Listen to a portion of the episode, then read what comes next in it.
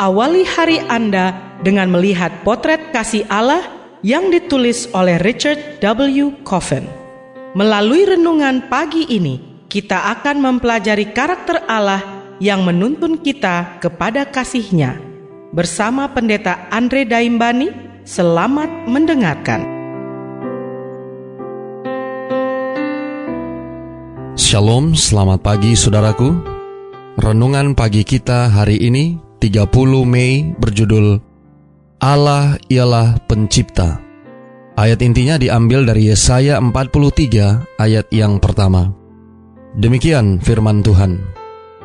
Tetapi sekarang beginilah firman Tuhan yang menciptakan engkau, hai Yakub, yang membentuk engkau, hai Israel. Janganlah takut, engkau ini kepunyaanku. Mari kita dengarkan penjelasannya. Salah satu tema yang banyak dijumpai di sepanjang Alkitab adalah konsep penciptaan.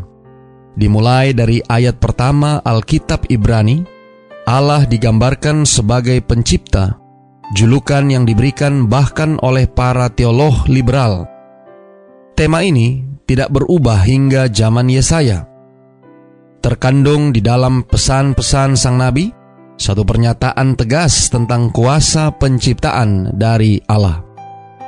Berikut ini hanya sebuah contoh. Ya Tuhan semesta alam, hanya Engkau sendirilah Allah. Engkaulah yang menjadikan langit dan bumi. Dicatat dalam Yesaya 37 ayat 16. Tuhan ialah Allah kekal yang menciptakan bumi. Dicatat dalam Yesaya 40 ayat 28. Akulah Tuhan yang menciptakan Israel. Yesaya 43 ayat 15. Aku telah membentuk engkau. Yesaya 44 ayat 21. Akulah Tuhan yang menjadikan segala sesuatu yang seorang diri membentangkan langit, yang menghamparkan bumi.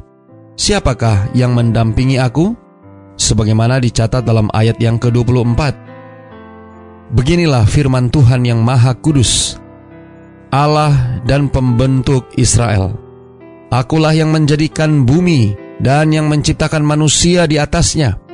Tangankulah yang membentangkan langit, dan akulah yang memberi perintah kepada seluruh tentaranya. Sebagaimana dicatat dalam Yesaya 45 ayat 11 dan 12.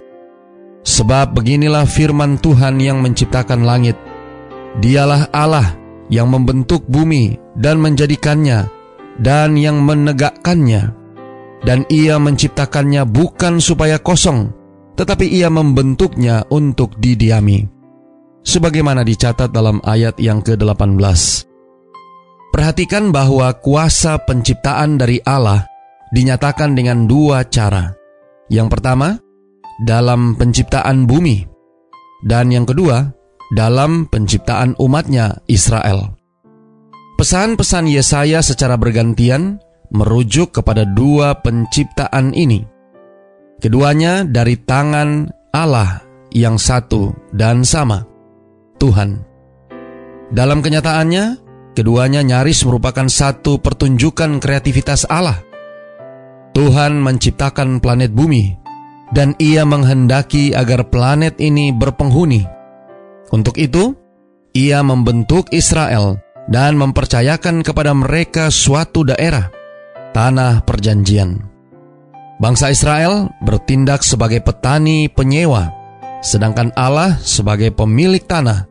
Dan ketika mereka menjualnya untuk menyambung hidup, ia akan menjadi Goel dan menebus tanah itu bagi mereka, seperti yang kita catat dalam renungan kemarin. Saudara-saudara yang kekasih di dalam Tuhan, hari ini kita membaca ayat Alkitab tentang penciptaan, seperti membaca sebuah buku geologi. Kita menggali penjelasan dan petunjuk tentang umur bumi. Kita mencoba memeras informasi tentang bagaimana dan bila mana ia terbentuk. Pokok utama dari semua ini, bagaimanapun, adalah sebuah pernyataan kuasa penciptaan dari Allah dengan sebuah tujuan besar, membentuk sebuah bangsa. Untuk itulah, Ia berhak memanggil mereka umatku, dan hari Sabat mengabadikan hal itu. Doa kita hari ini, Bapa terima kasih melalui renungan pagi ini kami boleh mendapatkan satu pelajaran yang penting untuk mengenal akan Engkau lebih dalam sebagai Allah pencipta kami. Terima kasih melalui renungan pagi ini kami boleh mendapatkan satu pelajaran yang penting bahwa Allah lah yang telah menciptakan bumi dan juga menciptakan umatmu.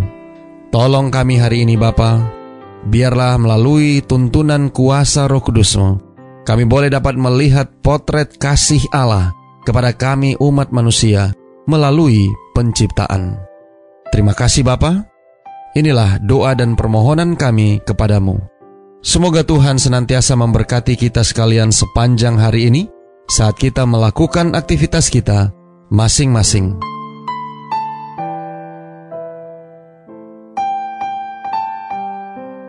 Demikianlah tadi pembahasan tentang potret kasih Allah. Semoga firman Tuhan hari ini dapat menjadi berkat bagi Anda. Sampai jumpa, Tuhan memberkati.